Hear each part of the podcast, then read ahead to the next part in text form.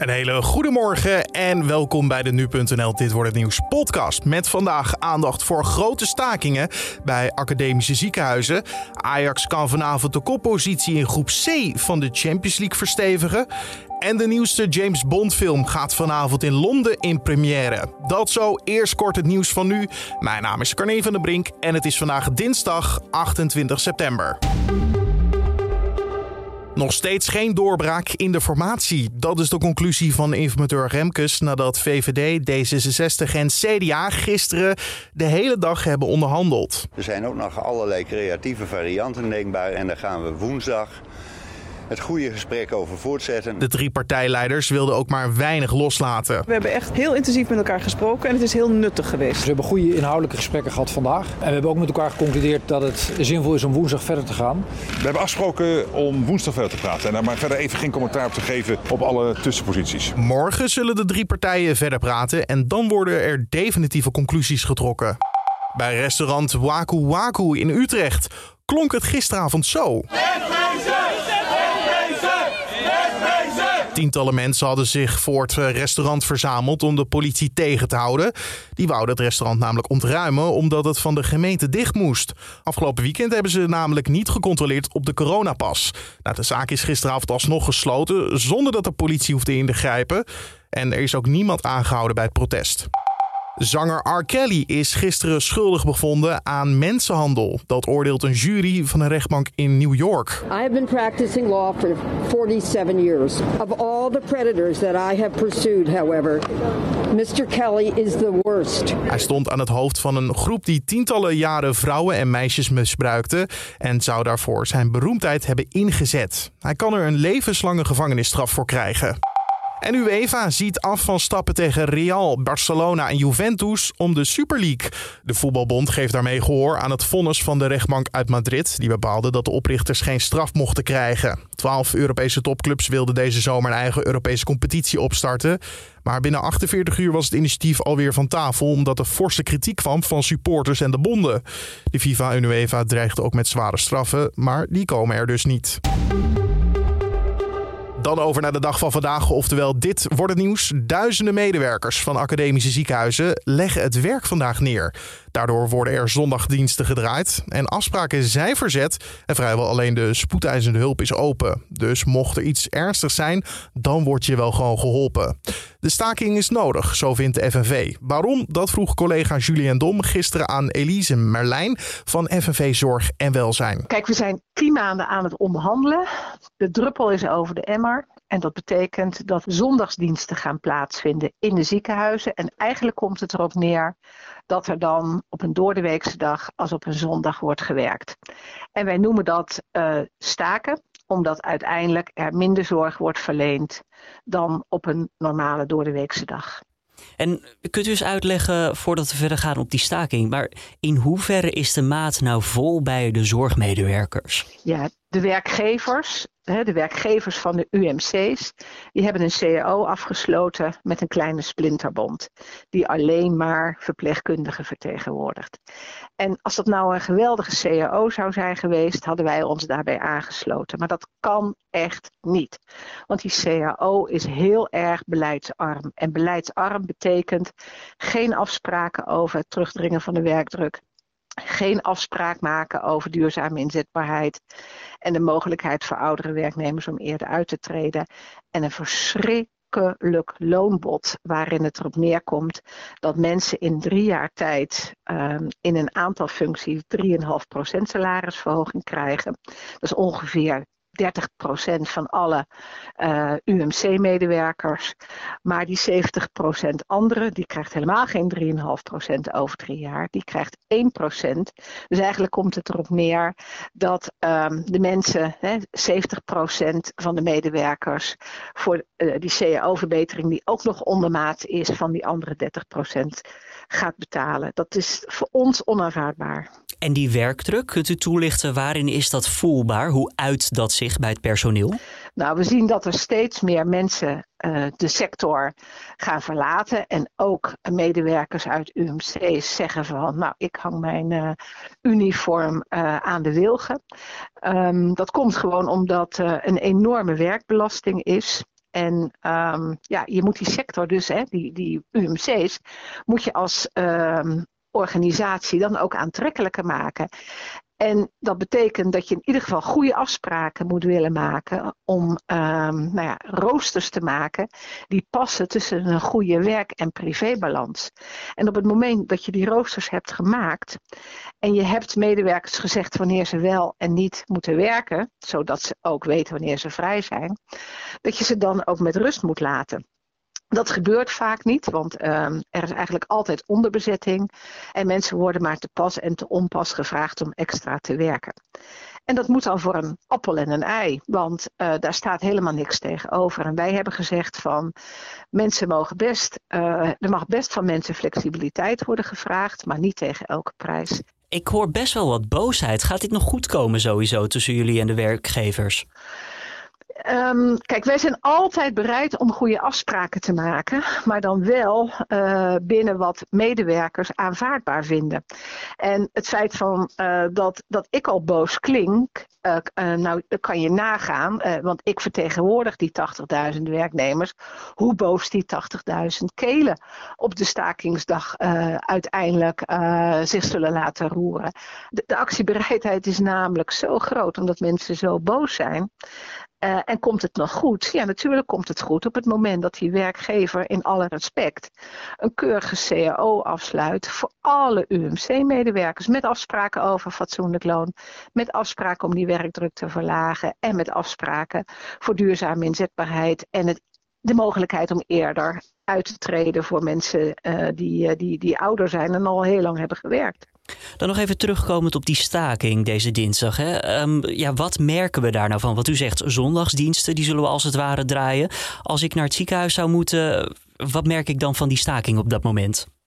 Nou, als er morgen een spoedgeval is, dan merkt u helemaal niks. Dan wordt u gewoon keurig geholpen. Um, want dat gebeurt in het weekend namelijk ook.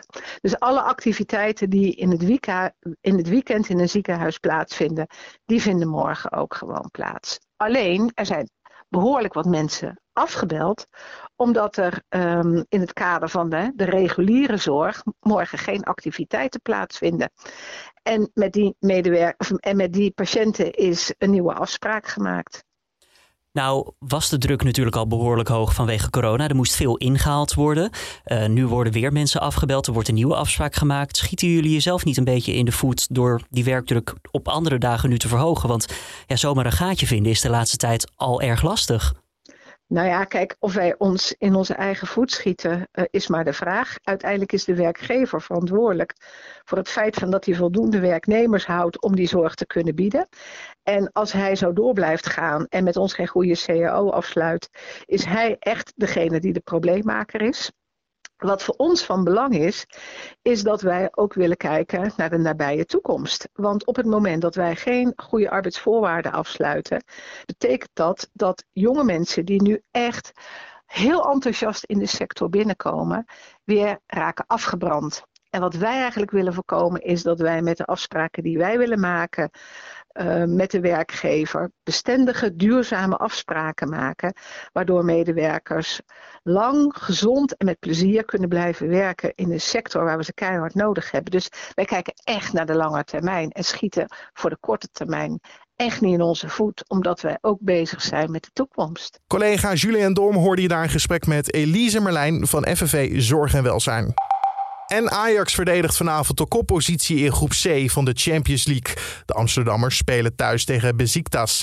Twee weken terug was er nog spektakel in Portugal. Toen won Ajax met 1-5 van Sporting. Een goede uitgangspositie om die eerste plek aan te dikken. Besiktas verloor die eerste wedstrijd toen van Borussia Dortmund. Nou, de stemming is... Uh ze kunnen de finale halen. Althans, uh, Studio Voetbal afgelopen zondag. Per van Hoordonk die zei, ja, dat is mogelijk met een, uh, met een beetje een gunstige loting. Uh, laten we wel wezen, ze zijn één potje onderweg. 5-1 gewonnen van, van Sporting Lissabon.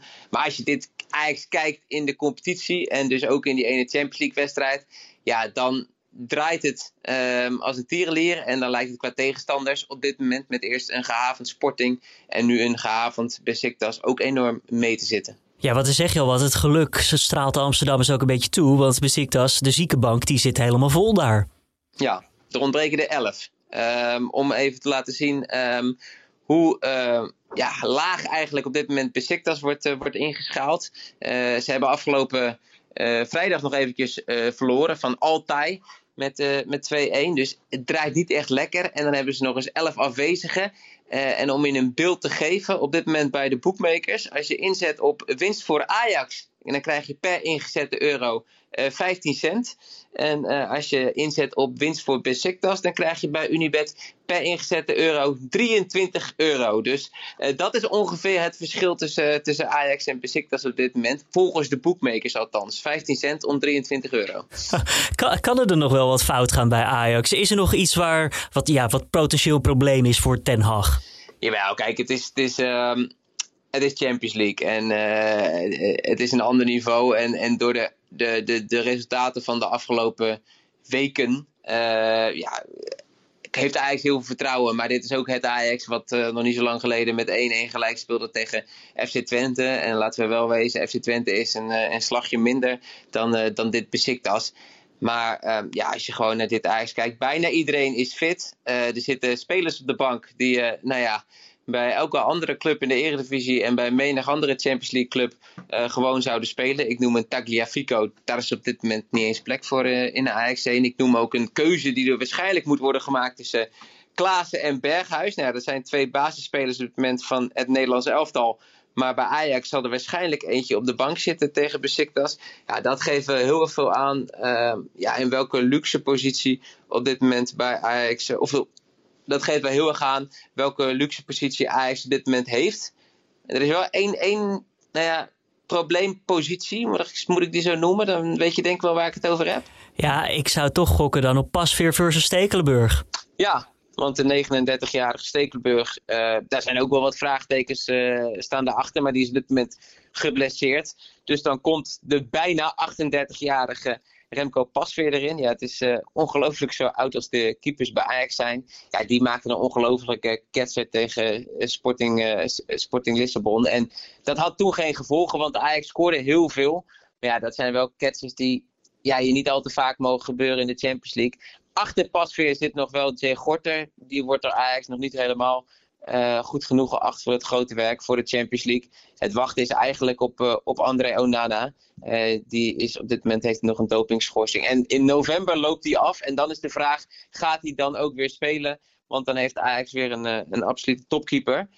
Maar tegen Besiktas zal het nog wel eventjes moeten met, met Remco Pasveer. Ja, Julien Dom was dat in gesprek met onze voetbalverslaggever Riepke Bakker.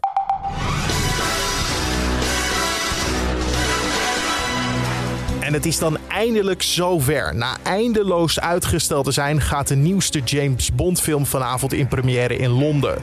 No Time to Die, zo heet de nieuwe Bond film met in de hoofdrol voor de laatste keer Daniel Craig. Door corona ging de release april vorig jaar niet door. Dat werd afhankelijk november 2020. Maar inmiddels weten we ook dat die datum niet gehaald werd door de najaarspiek. Daardoor sloten veel bioscopen de deuren. Nu dik een jaar later gebeurt het dan alsnog. Donderdag gaat het los voor iedereen in ons land. Dan zal de film in vrijwel elke bioscoop in Nederland te zien zijn. En dan kijken we even naar het weer van vandaag. Alfred Snoek van Weerplaza praat je helemaal bij. Vandaag begint de dag op de meeste plaatsen niet alleen droog. Er is zelfs flink wat ruimte voor de zon vanmorgen. Alleen over de noordwestelijke helft van Nederland trekt wat meer bewolking. En daaruit kan eens een keer een bui vallen. Ook vanmiddag is dat niet geheel uitgesloten. Landinwaarts verschijnen dan ook wel wat stapelwolken. Maar daar blijft het in ieder geval droog. De wind uit zuid- of zuidwestelijke richting is vanmiddag matig, kracht 3 tot 4. En uiteindelijk komt de temperatuur uit op zo'n 17 of 18 graden. Dankjewel Alfred Snoek van Weerplaza. Tot zover deze Dit Wordt Het Nieuws podcast eh, voor de dinsdag 28 september. Dankjewel voor het luisteren. Zoals altijd, deel de podcast met bekenden en onbekenden.